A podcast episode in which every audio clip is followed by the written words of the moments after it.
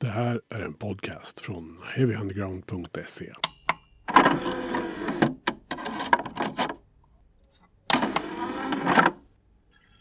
Heavy Undergrounds podcast gör eh, ytterligare ett klassikeravsnitt. Jag som säger det heter Magnus Tannegren och eh, ja, ni vet ju hur det här funkar vid det här laget. Det är jag och så är det min gode vän och kollega här, eh, Mischa Sedini, som pratar om 30 år gamla plattor. Ehm, ja, hur är läget Mischa? Det är bara bra, skulle jag säga. Mm. Sådana saker som man säger. Ja. Eh, Ja. Vi kör lite artighetsfraser som man ska liksom och sådär. Så, Ja. ja, så alla känner sig bekväma och trygga i det här. Och inte Ja. känner oro inför det vi ska göra. Eh, vi ska, vi Är ska, du redo för uppgiften du som varit i Malmö och manglat sönder absolut. Jag är alltid redo för uppgiften. Eh, vi ska prata om en skiva som släpptes den 12 oktober 1993. Och ehm, ja, enligt Wikipedia så har vi med alternative metal, hardcore punk och grunge att göra. Vi får väl utreda under tiden här om det stämmer. Men vi pratar alltså om Life of Agonys platta, debutplatta ska jag säga också. Eh, River Runs Red. Ja, varför har vi valt den här plattan, Mischa? Vi valde nog den för att jag ville ha med den. Eh, det här är en av mina absoluta kultklassiker, ska jag säga. Eh, det är en sån skiva som har, eller åtminstone formade mina uh, tonårsår. På gott och på ont. Mm.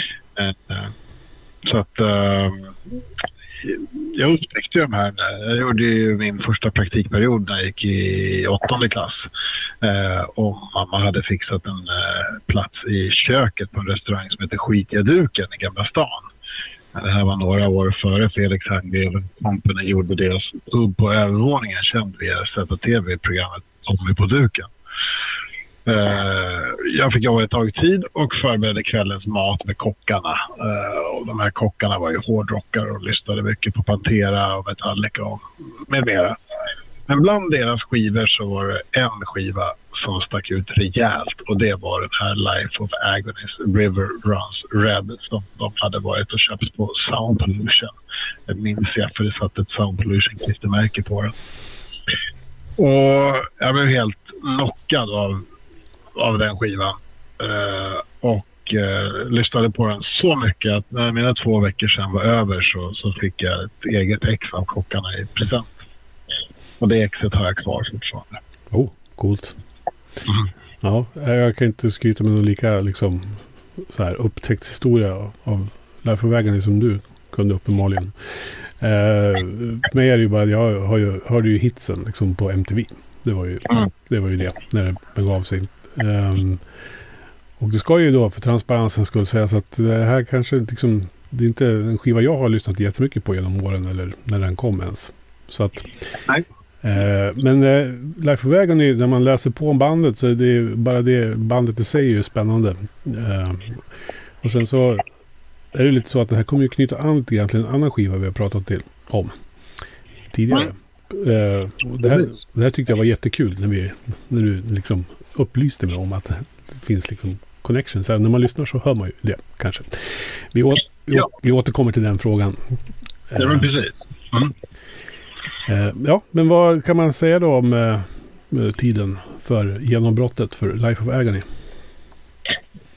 Ja, det är ju en spännande frågeställning. För Life of Agony fick ju aldrig riktigt något genombrott.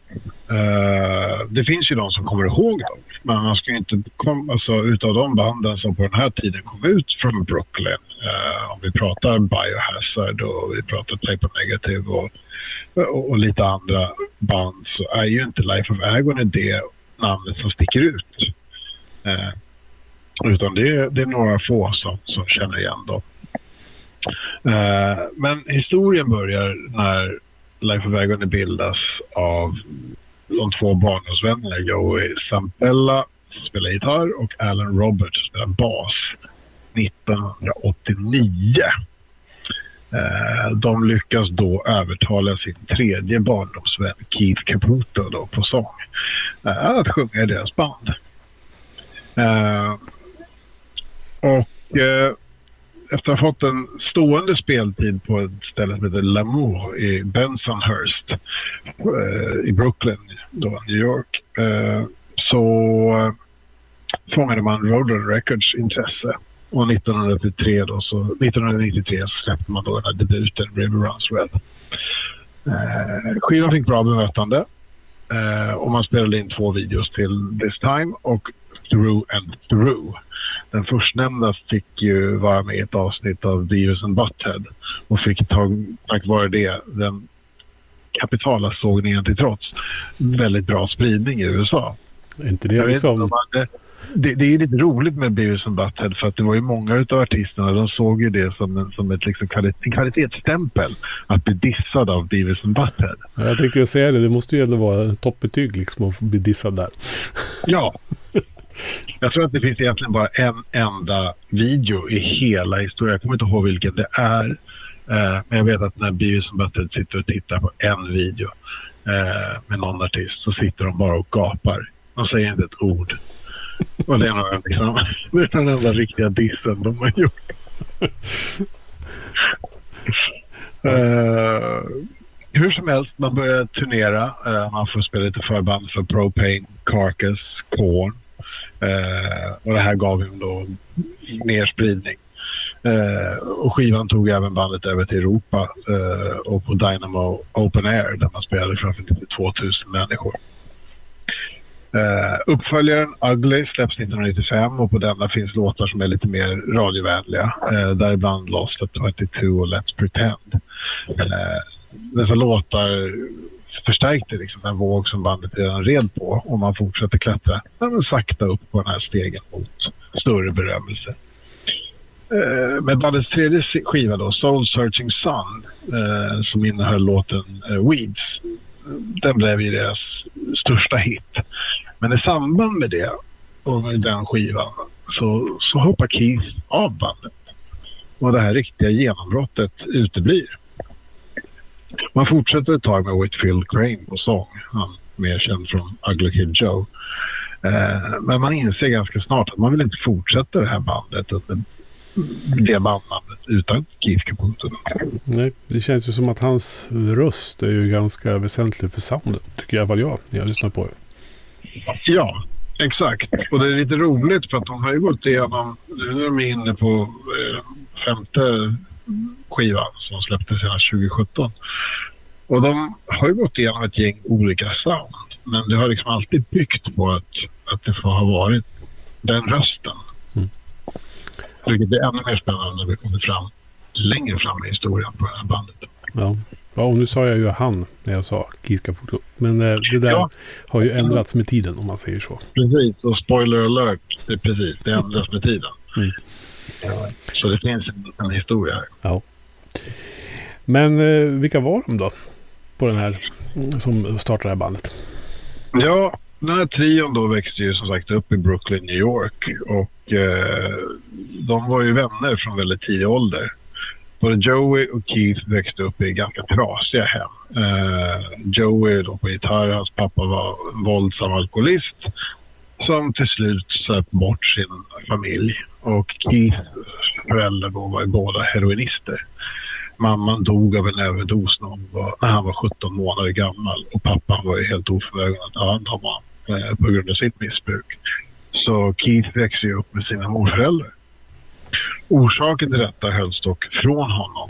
Och till slut så blev ju frågorna för många när han undrade varför mamma bodde ihop med morfar.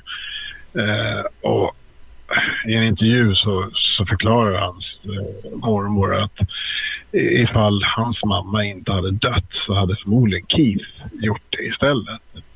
hon gav honom inte mat, hon gav honom inte uppmärksamhet eller kärlek. När han kom till sina morföräldrar då eh, vad sa vi, 17 månader gammal. Han kunde inte säga ett enda ord. Och det var ju förmodligen för att det var ingen som pratade med honom.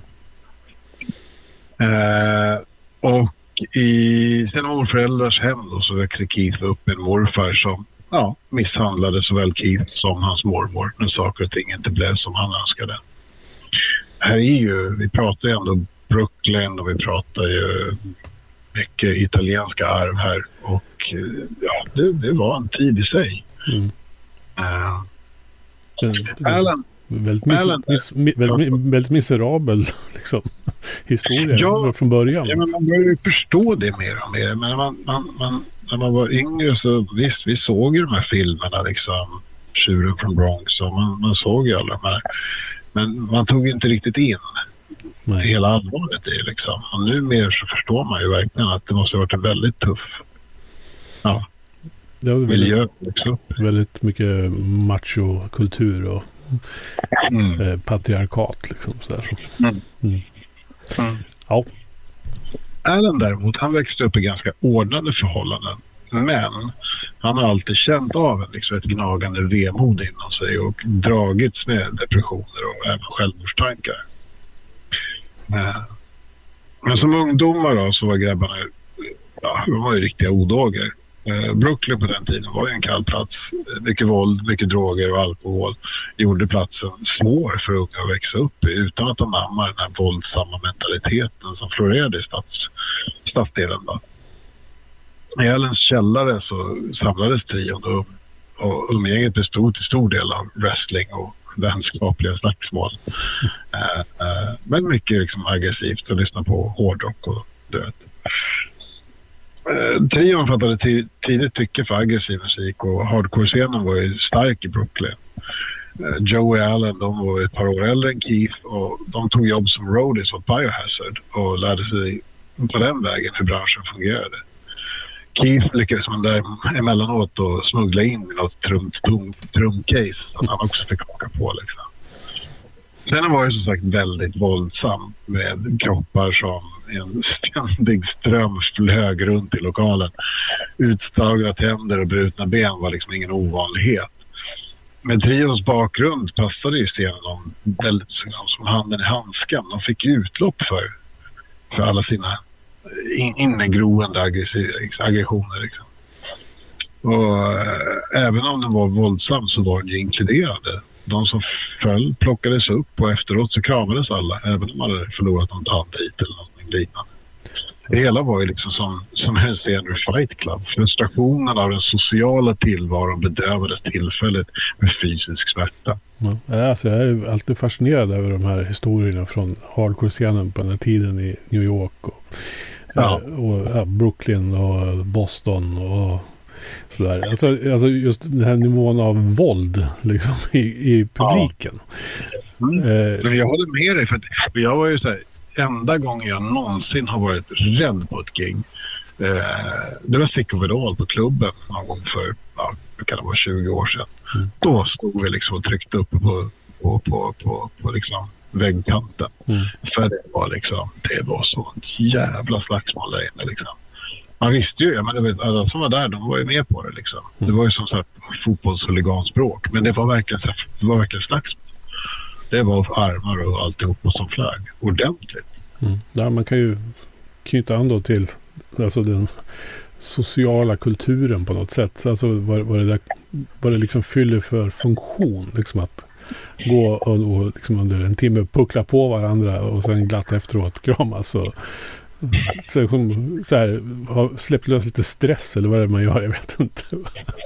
Ja, och, och, och sen kanske också här att man under kontrollerade former återuppspelar den här typen av situationer som har varit stressfulla i ens barndom. Mm. För på så sätt så kan man återuppleva dem uh, må bra i dem och på så sätt äga dem. Mm. Få ge tillbaka lite under kontrollerade former på något sätt. ja, det är verkligen så. Ja, mycket fascinerande. Mm. Ja. Joey och Allen började i alla fall spela med varandra under den här tiden. Och efter ett tag så började man tjata på Keith att komma och sjunga med dem. Eh, Allen, både Allen och Joey har ju hört honom sitta vid pianot och klinka och sjunga. Eh, men Keith han är en introvert person. Han vägrar. Han vill inte vara frontman. Han vill inte ens att någon tittar på honom. Eh, men efter ett tag så är han med sig och fröet är Life of Wagon är i bandets begynnelse tar man inspiration från den miljö man verkar i och musiken doftar väldigt mycket hardcore. Det finns om man går ut på Youtube och letar tidiga Life of Wagon, jag tror det finns på Spotify. Då hör man att det finns betydligt starkare liksom hardcore eh, ja, influenser där. Men redan tidigt så står det ju klart att Life of Wagon sticker ut bland banden i den här genren. Och det är ju mycket Keith och hans baritonröst som mer påminner om Elvis och Danzig. Eh, och det tillsammans med texter om ångest och självmord snarare än ilska mot sociala strukturer som just gör att Life of Agony skapar en helt egen stil. En där dysterhet fick ta ett stort utrymme liksom, i all aggressivitet. Det här är ju trots allt bara två år innan eh, Korn kommer med sin debutplatta som ju tar just den där ångest, aggro, introverta ångest, aggressionerna och gör den till någonting. Så det, liksom, det, finns ett frö redan här i liksom, popkulturen. Så. Och Life of Wagon är där ofta 1993. Då. Mm. Den här stilen tar ett tag att etablera men fanskaran växer lokalt i Brooklyn. Då. Lagom till 1903 har man övertygat såväl manager och skivbolag som publik. Eh, River Runs Red spelas in i kompisen Josh Silvers studio. Josh då, som vi ju känner från bandet Typo Negative. Eh, och denna kontakt till honom då knöts ju förmodligen genom att bandet hade en gemensam nämnare, nämligen trummisen Sal Bruscato. Mm. Det är ju faktiskt så eh, ja, att de är med på varandras skivor lite grann. Så mm. det, det fanns ju en stark vänskap där någonstans. Liksom. Ja, och som sagt, jag tycker att man känner igen soundet. Alltså på, mm. på gitarrer och sådär. Både på Life of Agony och Type Negativ.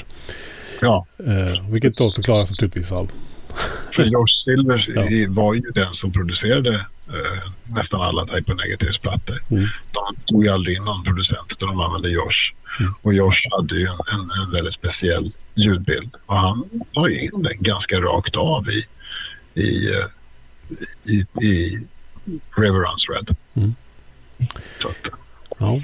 Alltså innan vi kommer in på själva skivan så tänkte jag lite om det här med temaplattor. För det är det vi har att göra med här. Ja, det har vi. Ja. Eh, vad har du för relation till begreppet temaplattor generellt? Alltså jag har nog alltid gillat dem. Men jag tror att jag ganska tidigt också... Jag har ju väldigt tidigt började jag ju med det här liksom åsikten att en, ett band är ju inte bra om inte hela plattan är bra. Uh, och var ju också så här, man började ju tidigt med så där att man skulle ha hela kartoteken med de här, med de här grupperna som var bra. Mm. Och så satt man ju där och så försökte man intala sig att alla plattorna är ju faktiskt bra.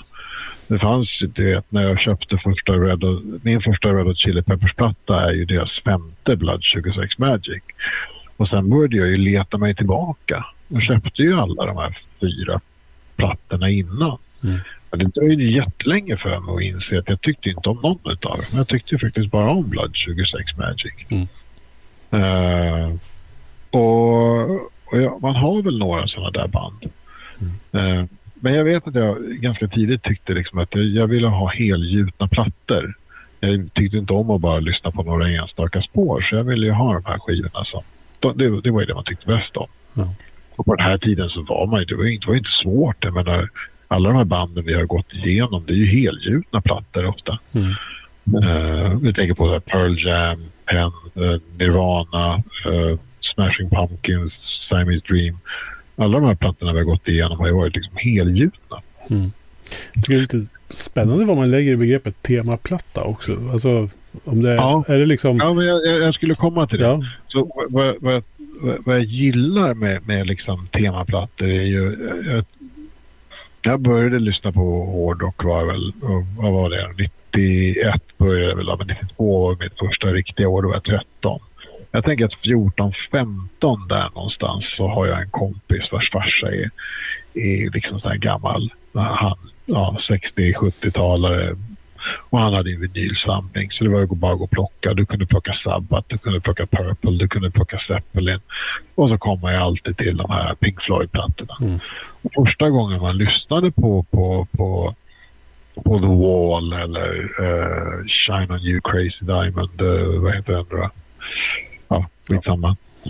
Uh, och man blev ju så jäkla impad över någon som kunde liksom hålla en story, att det fanns en berättelse i det där. Så att jag har nog alltid älskat temaplattor. Mm. Ja, oftast man kan knyta antingen runt en idé eller liksom, ja, bara ett tema i sig. Eller så kan man försöka berätta en historia också. Och de tycker jag kanske temaplattorna är svårare. Eh, alltså få hålla ihop. Storymässigt då måste man ha en väldigt bra story man ska berätta. Liksom. Och, och det är få som har lyckats med det. I alla fall på, av den eh, typen av musik jag lyssnar på. Men i min värld så är ju Queensrÿches Operation Mindcrime den, den, den är ju en opera liksom. Den bör, ja. har en tydlig början och ett tydligt slut. Det finns en story som man liksom inte ens kanske behöver få förklarad för sig. Man, det räcker med att läsa texterna egentligen. Så, så får man en uppfattning om vad det är. Men sen så finns det andra temaplattor som man måste ändå som bara har ett tema, kanske inte en historia snarare. Nej, och jag tror att det är där, precis. Jag tror att det, det finns en om vi tittar på River Runs Red, det finns en röd tråd. Du har ju liksom... Låtarna är ju inte... Det är inte en historia om en specifik person. Nej. Men hur skivan knyts ju ihop genom att det är 33 eller fyra så kallade skits. Där man just följer den här pojken. Eh, vi kommer till det sen. Men liksom, man får följa en storyline som berättas i, i, i några spår som dyker upp emellan låtarna. Och eftersom att låtarna liksom ändå bygger hela tiden textmässigt kring den här ångesten och kring alla de här tankarna som man också föreställer sig att den här karaktären som man får möta i de här skitsen. Så det blir, kanske inte finns en rak storyline men det är definitivt en temaplatta. Det är definitivt en... Den bygger på någonting. Mm som har en berättelse och som dessutom också, utan att spoila, har ju ett slut då liksom. Ja. Så att eh, jag tycker den är ganska genialt uppbyggd faktiskt. Mm. Det blir som en temaplatta utan att egentligen ha ett annat än en lite lätt röd tråd. Ja, ja det för oss in på då River Runs Red. Ja. Inte helt osökt. Inte helt osäkert. Skivan är ju då en temaplatta eh, om självmord. Eh, man får via då som jag sa, den här så kallade skitsen följa en ung pojke, man då som förlorar sitt jobb får reda på att han inte kommer kunna ta studenten med sina dåliga betyg och hans flickvän gör slut med honom på en och samma vecka. I bakgrunden hör man hela tiden hans mamma då skrika på honom genom dörren till hans sovrum om hur värdelös och lat han är. Eh, till slut tröttnar han på livets svårigheter, lägger sig i badkaret och eh, begår ett självmordsförsök. Men lyckas han? Ja, skivan slutar ju med att man hör mamman komma in i badrummet eh, och, och, hitta honom då i badkaret eh, blödandes. Och, eh, och hon ger ifrån sig väldigt eh, ångestfyllda skrik. Och det är så skivan slutar. Och fram till 2019 så visste vi ju faktiskt inte vad som hade hänt med den här unge mannen. Men med skivan The Sound of Scars så återvände man till honom och hans läkeprocess efter självmordsförsöket. Alltså, får jag bara flika in här. Alltså, ja. Uppföljare till temaplattor. Det skulle vi kunna göra ett avsnitt om hur svårt det är. För att det har ju försökt göras liksom både mer eller mindre lyckade försök. Eh, nu säger jag ingenting om Sand Scars. Men den Queensryche då återigen försökte göra en Operation Mindcrime 2. Just det. Eh, funkade sådär trots att de eh, baxade in Ronnie James Dio för att göra ett gästspel. Oj. Ja. Eh, Alice Cooper föll för frestelsen och gjorde en Welcome to My Nightmare 2. Och då är ju inte ens första skivan en temaplatta knappt ja, med lite välvilja kan man få ihop de tre sista låtarna till en historia. Men det är inte, men det är liksom, man faller lite för den här det är som en dålig B-films actionrulle liksom som det måste komma en tvåa. Liksom. Och jag, jag var inte ens nyfiken på vad som hände med huvudpersonen på Queen Queensryche-plattan efter första. Jag var nöjd liksom med slutet. Ja. Ja. det var liksom så här, bra, den slutade så, fine. Liksom. Så att det är lite, ja. det är riskabelt liksom. Och, tycker jag. Om man ändå har gjort något så bra som River Runs Red. Och allt. Sen ska vi berätta vad som hände sen. Ja. ja, och då får man ju som definitiv... Det finns ju en skönhet i att inte veta om huruvida han... Jag har ju alltid tänkt mig rakt av att det är där han dör. Mm.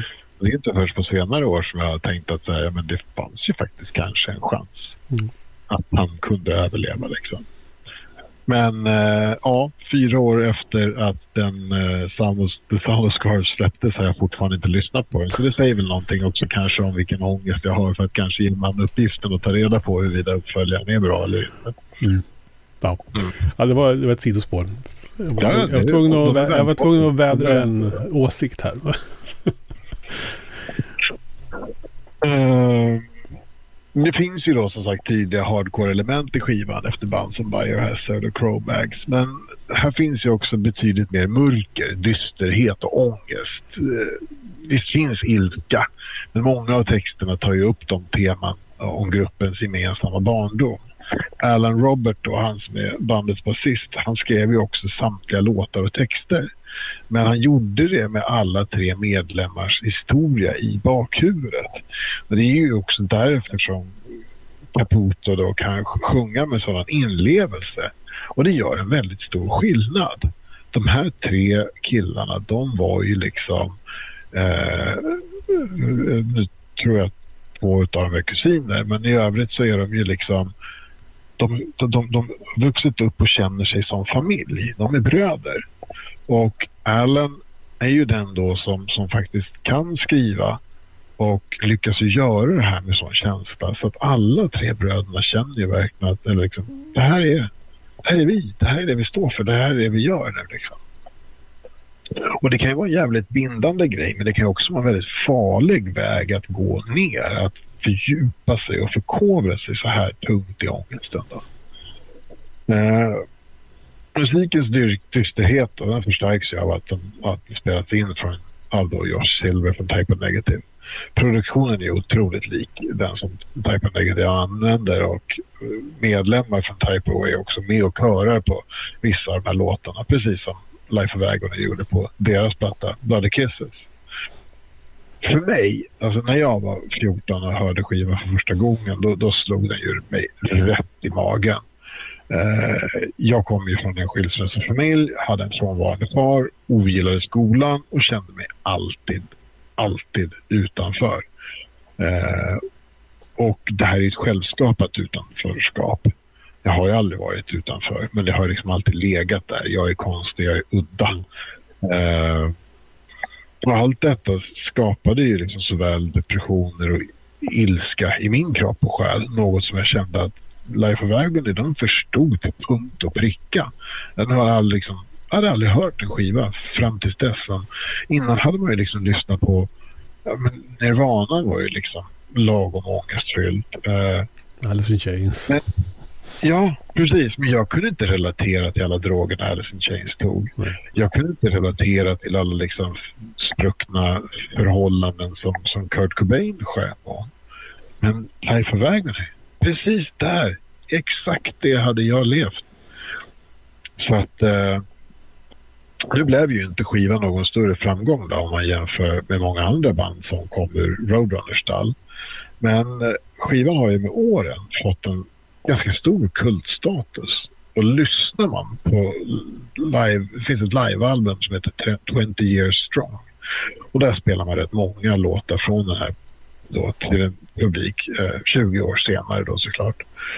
Och man hör hur publiken sjunger med i varje textrad, på varje låt. Jag tror att de med flit har ställt ut mikrofoner va? I, i, i, i, i publiken bara för att få med det här. Det här är liksom inte... Eh, går man på konserter, visst finns det de som står och front row skriker med refränger. Men vi pratar hela verser, vi pratar hela... Och det är ju den typen av... Det är ju väldigt sån här... Alltså från hardcore så har vi ju hockeykörer. Och även om de här kör väldigt tungt och slött och ångestfyllt emellanåt så finns ju fortfarande liksom sångrytmiken är ju fortfarande den. Så att varenda textrad går att köra som hockeykör. Mm. Och det där är deras publik.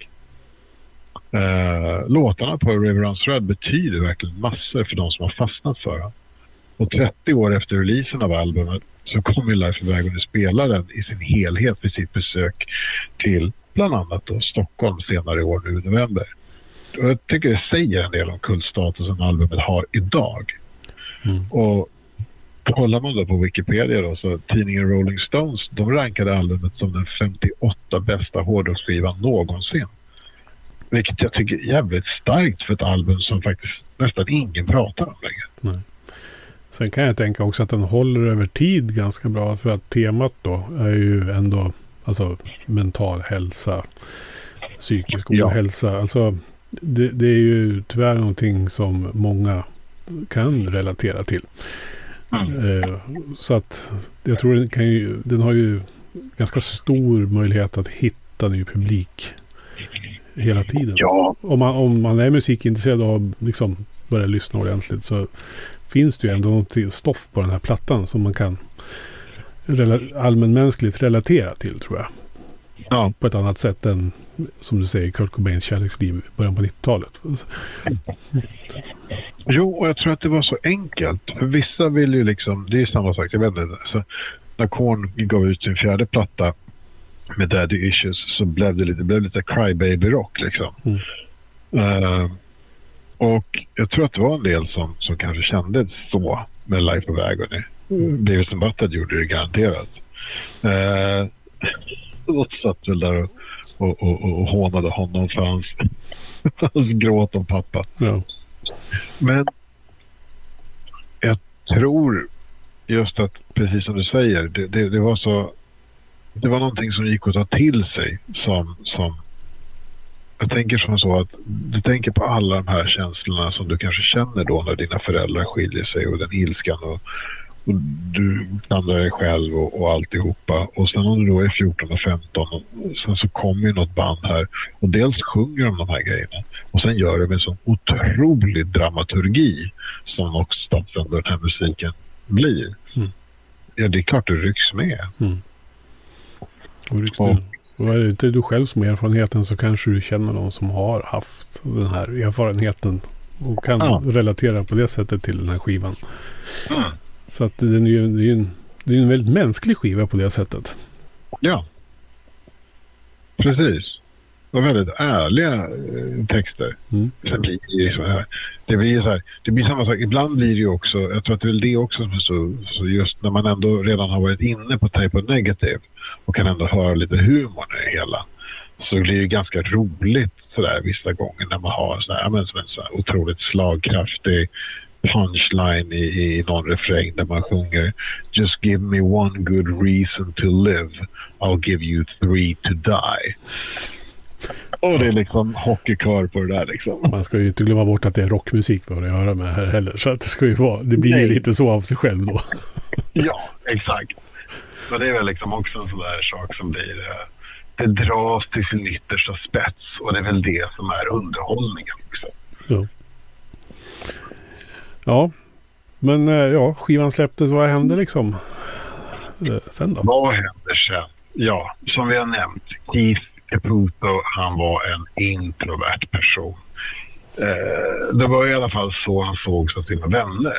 Eh, precis som de andra så var han en ung testosteronfylld pojke. Men redan tidigt som barn så ville han ju liksom att mormor skulle sminka honom och han ville eh, prova hennes kläder och ville ju faktiskt gå till skolan med hennes klänningar. Mormor då, som var väl medveten om morfars världsåskådning och, och våldsamhet sa ju då till den unge Keith att visst kan du få sminka dig någon gång ibland men berätta aldrig för din morfar. Han kommer att slå ihjäl dig och han kommer att slå ihjäl mig. Vi då, som numera heter Mina, eh, gick länge med rädslan för att vara sig själv. Hon, som vi hade efter kommer att säga, kände sig inlåst i ett manligt skal där hon hela tiden behövde upprätthålla liksom, en maskulin alfahan-attityd som passade in för att ingen skulle komma på henne. Eller som hon själv sa i en intervju. jag har, har inte längre en manlighet att försvara. Det är en transformation jag har väntat hela mitt liv. Mina lärde sig helt enkelt att dölja vem hon var. Ibland, jag vet att hon, jag läste att hon äh, tog med sig, om det var Joe eller Allen ibland, på, på sådana här äh, transklubbar. Men de såg det mer som att det var lite rollspel för honom. Liksom. Och, och, och Keith hade nog inte själv kommit på liksom hela den här grejen med att han så var könsdysforisk. Eh, när hon då, som vi tidigare nämnde, hoppade av Life of Agony efter Soul Searching Sun så kände hon sig inte bekväm nog med att förklara varför för sina närmaste vänner i bandet. Men hon kände att hon kunde inte vara sig själv. Um, det skulle ju senare komma och liksom förklara sig att hon inte visste att hon egentligen identifierade sig som en hon. Mm. Men efter flera års tystnad så var eh, Life of Agony tillbaka med albumet Broken Valley då 2005. Gänget var samlat igen och det verkade som att det skulle kunna funka denna gång. Men eh, Mina då, som fortfarande var Keith, hade hon hade ju fått utlopp för sin kreativitet och sina mer fragila sidor i sina soloprojekt som hon hade hållit på med under åren. Och alla var hungriga på att göra någonting nytt. Men tyvärr så landade man en jävligt märklig deal med Epic Records som inte bara försökte styra bandets sound och ville göra dem så radiovänliga som möjligt. Men de implementerade också en copyright software på, på skiv. Eh, den funkade tydligen som så att om du stoppade in den här skivan och försökte bränna den så jag kommer inte ihåg vad de gjorde, men på något sätt liksom registrerade den det. Liksom, de, på något sätt gjorde ett, liksom, ett rakt av ett intrång i personlig integritet. Mm. Eh, och vad som då hände var ju att det visade sig att det här var ju fullständigt illegalt. Och eh, innan man visste ordet av så fick ju liksom skivan som inte riktigt hade sålts så som, som Epic hade önskat, då fick de ju också dra tillbaka den. Eh, för att det fanns den här olagliga mjukvaran på den. Och då gjorde man heller inga riktiga försök att, att få ut skivan på hyllorna. Så att eh, där och då så, så stagnerade hela försäljningen av den plattan. Mm. Vilket jag tycker är synd, för det är deras näst bästa platta. Mm. Eh, man fortsatte turnera, men man hade tappat andan. Mina var fortfarande inte riktigt framme vid vägskälet att acceptera sin könsdysfori och många vittnar om en grinig frontman som många gånger stod med ryggen vänd mot publiken flera låtar. Mina förklarar ju själv så här i efterhand att hon var så pass obekväm i sitt eget skinn att hon inte ville att andra skulle se på henne heller för hon klarade ju inte själv av att se sig i spegeln. Att hon bedövade all den där smärtan så med droger hjälpte inte situationen det minsta. Det brukar inte vara något bra recept. Nej, nej, nej, nej. Så att, men det är någonstans här vändpunkten kommer. Mina sökte hjälp hos sjukvården och påbörjade då en könskorrigering. Och under 2011 så gick hon ju ut offentligt med att GIF eh, fanns inte längre. Utan nu var det just Mina Caputo som var mm, ja, personen bakom artisten och medlemmen i Life of Eh, det finns flera läsvärda artiklar om och med henne som utvecklar detta. Eh, men även för mig som åskådare så måste jag säga att den gången jag såg Life of Agony på studion i Stockholm turnerandes för Ugly 1995. Det var ett miserabelt tråkigt band att se. Jag var bara 16 år men man såg väl mina som hela bandet vantrivdes på scen. När jag såg dem sen 11 år senare på klubben, nej förlåt 21 år senare, 2016. Mm. Eh, då står ju där istället en helt magiskt frontkvinna med energi, integritet och vilja att trollbinda. En energi som man liksom aldrig visat tidigare i sitt manliga skap. De verkade verkligen ha hittat hem. Eh, eller kommit så pass mycket närmare i alla fall. Eh, som fans sen 30 år tillbaka så kändes det så väldigt fint att se personen bakom rösten. Som fick mig att känna mig sedd som 14-åring själv har slutit fred med sin. Mm. Jag tänker det alltså ut under då kanske att bandet höll ihop i början. Alltså om man, om man den här friktionen som fanns liksom. Ja. Men det är inte första gången ett band har byggt på det. Nej, gud nej. nej. Jag tror att de överlever just på den ömsesidiga respekten och att de andra hittar ju hela tiden någonting att göra. Snäll, han är ju med om stora delar. Han har ju länge Type Negative. Uh, uh, så, som han är med i. Och sen uh, har ju han lite andra band som han hoppar på sen, jag tror att det är 2017 då, då, eller 2018, då väljer han att hoppa av för han tycker att det händer inte så mycket mer. Så nu har man en ny trummis i bandet. Då. Men de övriga medlemmarna, de är ju... Äh, ja, vad heter han? Alan Robert, han, eh, han, håller, han är även serietecknare. Så han skriver mycket album och det är han som står bakom alla deras minut och all artwork. Men han, eh, han, han ritar serietidningar och Joey C har ju haft en studio som han har spelat in band i och sådär. Så de har ju sina grejer de gör vid sidan av. Och jag tycker nog att det lite fina är att de, de vet mycket väl att de behöver alla vara på rätt ställe för att det ska bli en ny Life of Agony-skiva. Och de har vid flera tillfällen provat att skriva material och de har liksom inte hittat ångan. Och då har de hellre valt att ta en paus. Och det tycker jag liksom är nästan ärofyllt. För jag vet inte hur många band jag känner till som har släppt så jävla trötta plattor mm. bara för att någonting måste släppas. Att inte tappa momentum. Mm. Men Leif Vägen säger fuck that. Vi ska släppa en bra platta. Sen säger inte jag att alla Leif Vägen-plattor är bra. Men de är det i deras ögon. De har inte gått in och spelat in plattor bara för att. Mm. Det tycker jag är jävligt fint. Mm. Men om vi knyter tillbaka till River Runs Red. Alltså så här 30 år senare. Håller den liksom som skiva? Alltså, jag tycker ändå att man hör ju på en del plattor när de är inspelade. och, och sådär. Och håller, håller soundet över tid och sådär. Jag känner att jag är inte rätt människa att svara på det. Den ligger mig för varmt om hjärtat. Jag, jag, jag lyssnade på den, jag har lyssnat på den tre gånger nu senast inför det här avsnittet. Jag känner ju, jag är så, jag, jag får sådana fantastiska nostalgikickar så jag sitter bara och sjunger med. Jag kan knappt lyssna utan att sjunga med själv. Så det, det var en ja. oschysst fråga kanske. Ja, så jag tror att du får nog svara på den. Håller skivan idag? Alltså den håller ju som platta i sig. Men sen så det beror på om man gillar det eller inte. Man hör ju att den är inspelad början på 90-talet. Alltså det är ju...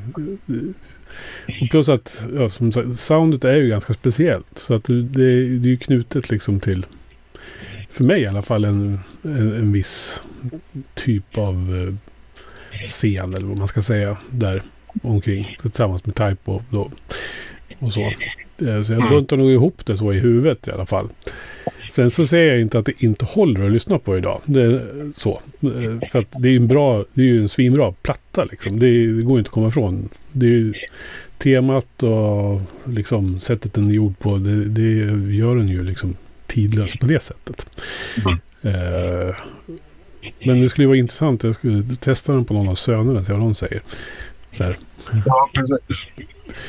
Eh. För ibland är det svårt tycker jag. Vissa är så här, men som, så här, det är inte svårt att säga så här, Siamese Dream och Smashing Pumpkins. Klart plattan håller än idag. Fantastisk sound. Tidlös. Mm.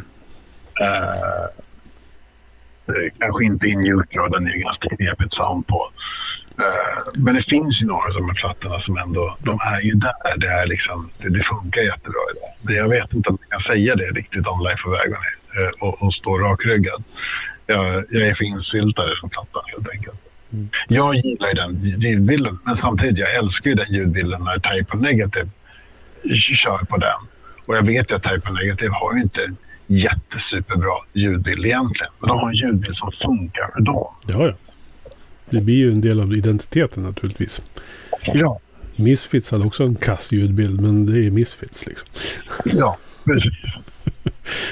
ja, och vi har ju på senare år hört Misfits-plattor som har bra sound. Det hjälper inte Misfits. Nej.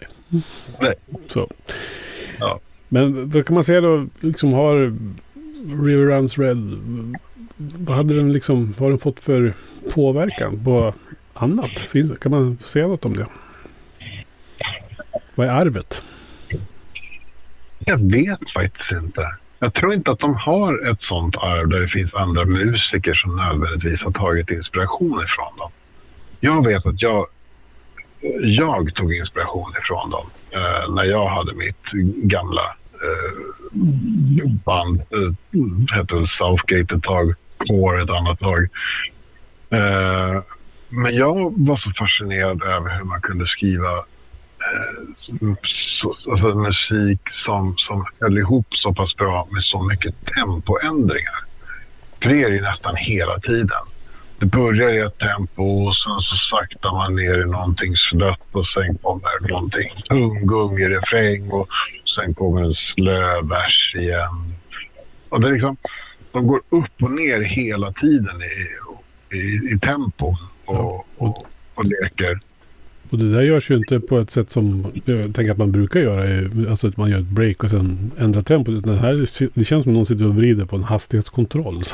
Ja, precis. De saktar upp och, och, och ja. ökar successivt. Liksom. Precis. Och, eh, jag tycker bara de hade liksom en väldigt egen grej i det där. Så jag tror att deras arv, det är nog snarare de här liksom, ja, att de faktiskt kan 30 år senare åka runt och spela för folk som höll den här plattan så pass kär eh, när det begav sig. Eh, ja, som sagt, 2016 spelade vi på klubben. Jag vet inte, det kanske var 300-350 pers där. Eh, men det är ändå 350 pers som någonstans fortfarande kommer ihåg den här plattan. Mm. Och de kan åka runt i världen och göra de här typen av gig. Uh, det är mer än vad jag kan göra. Mm. ja, sen hänger det ihop lite tycker jag också med att dels har man gjort det, det är en debutplatta. Liksom, så. Och bara att man gör en så tung platta ändå, alltså ämnesmässigt. Som debutplatta som fortfarande då är liksom på något sätt ändå Ja men det, det, är väl ändå den skivan som folk kommer att komma ihåg sen. Liksom, tror ju jag. Sen finns det naturligtvis hits och bra låtar på andra plattor. Men det är, den här är ju liksom deras eh, magnum opus på det sättet. Ja, och sen blir det ju så fint när man tänker då på liksom så här när Mina vill komma ifrån sin, mm. sin ja, destruktiva maskulinitet. Och det är att man liksom faktiskt redan hör det i den här första skivan. Mm. De är uppvuxna i den här aggressiva, de har själva liksom en del av den här scenen. Men det finns en annan sida i den här musiken som faktiskt är män som pratar om känslor. För det är faktiskt det det är. Det är unga män som pratar om sina känslor. Och det är ju inte helt vanligt i den här genren. Nej. Ofta så handlar det mer om så här, ah, me and my boys don't care about what civilization says. Mm det är inte liksom känslor på det sättet. Det är mer aggressivitet mot en social struktur. Mm. Men varje gång du går in och pratar direkt om, ja men fan, min morsa lämnade mig. Var står jag mitt i det här? Här står jag vid din grav. Vad vill du att jag ska känna nu? Mm. Och det är deras låttexter. Mm. Och jag tycker det är jävligt starkt för då liksom män i 22-årsåldern som vuxit upp i Brooklyn. Ja, i, i den här scenen.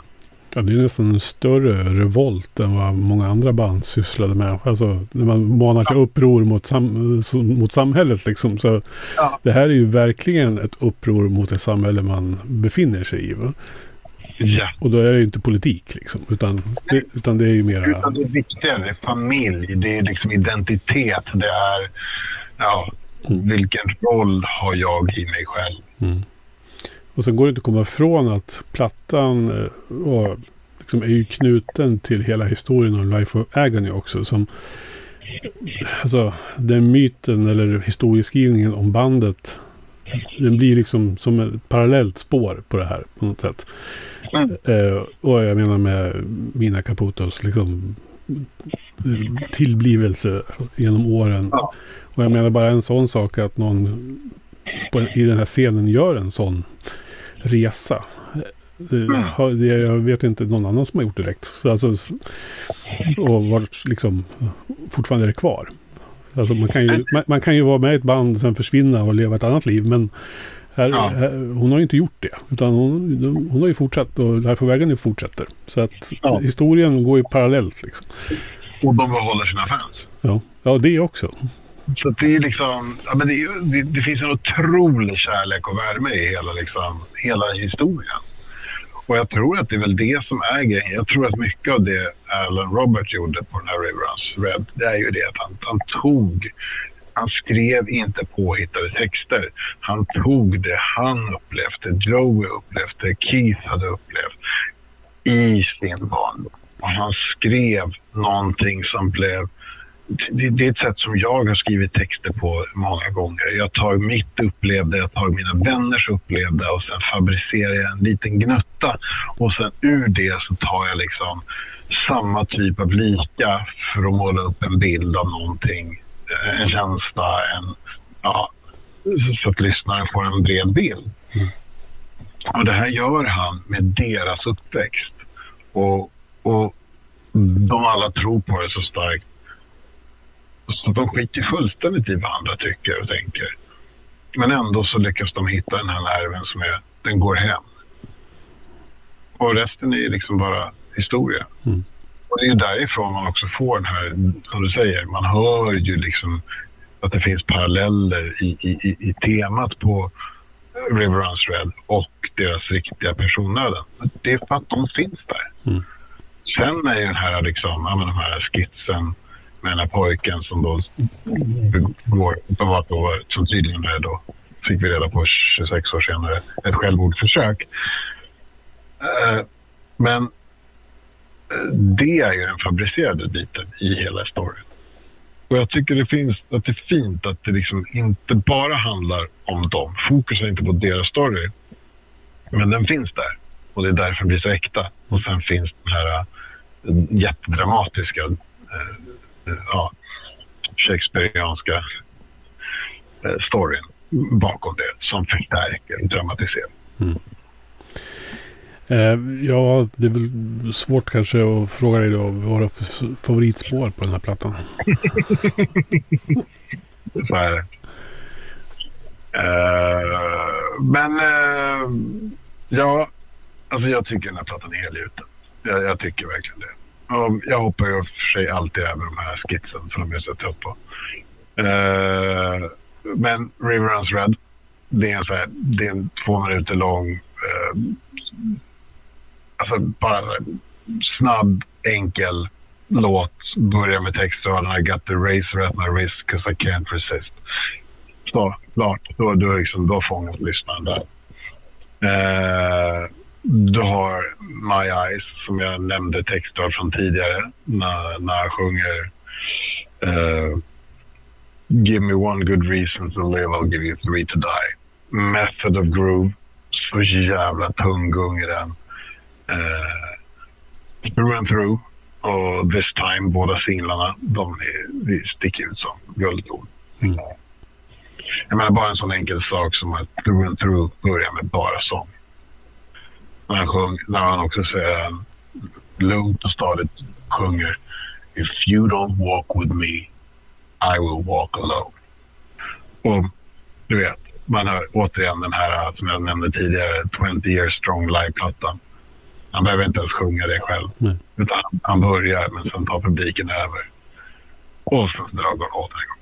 Mm. Och, det och det är så bra. Och det vill jag tror att det är det där. Att de, de, Type de hade ju sin ångest och han hade ju sina eh, jätteolyckliga kärleksånger.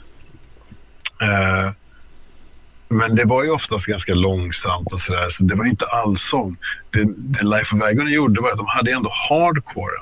Och då tog de de här känslorna och de gjorde det liksom med en hardcore-stöpning. Så att, du vet, så när man går på Stick Up It All och alla sjunger med i, uh, i refrängerna liksom. Uh, uh, scratch the surface. Mm. Men här är det liksom istället då saker som, ja, du, du får utloppen för det skriket, men i ångesten. Mm. Mm. Ja, du Mischa. Har vi avhandlat det vi vill nu om River Runs Red? Jag skulle ju kunna eh, förmodligen prata en timme till, men det skulle nog bli förhållandevis ointressant. Så att ja, vi, vi sätter punkt. Men det fortfarande håller. ja. Eh, men vi kan ju varmt rekommendera alla som eh, alltså mot förmodan inte har hört den här plattan nu då. Eh, mm, ta och sätta sig ner och faktiskt lyssna på den här skivan och fundera lite grann på vad den handlar om och ta hand om sig själva. Ja, och ta fram sin inre 14-åring när man gör det, mm. skulle jag säga. Mm. Lyssna inte med öron som att du var 14 vid dag 44, för då kommer du inte att uppskatta den. Föreställ dig att du är 14 när du lyssnar på den. Mm. Ja, där sätter vi punkt för Heavy podcast och det här klassikeravsnittet om eh, eh, Life of Agonys River Runs Red. Och eh, alla tidigare avsnitt finns där poddar finns. Då kan ni höra mig och Mischa prata om allt möjligt. Eh, alla möjliga plattor. Eh, som är 30 år gamla. Och vi ska fortsätta prata om 30 år gamla plattor eh, efter den här också. Men eh, det återkommer vi till nästa avsnitt vad det handlar om. Som alltid Mischa, det är alltid lika kul att prata musik med dig. Ja men detsamma. Mm. Tills nästa gång så ha det bra.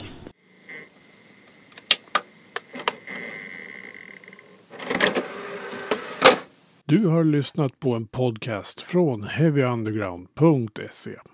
Jag som säger det heter Magnus Tannegren och är den som producerar och intervjuar i den här podcasten. Vill du veta mer om det här avsnittet eller om podcasten i allmänhet? Besök heavyunderground.se eller leta upp oss på de sociala kanalerna på Facebook och Instagram. Tack för att just du har lyssnat. Hey, I met you. You are not cool. I know. Even when I thought I was, I knew I wasn't. Because we are uncool. I'm glad you were home. I'm always home. I'm uncool. Me too. You're doing great. Know, the only true currency in this bankrupt world is what you share with someone else when you're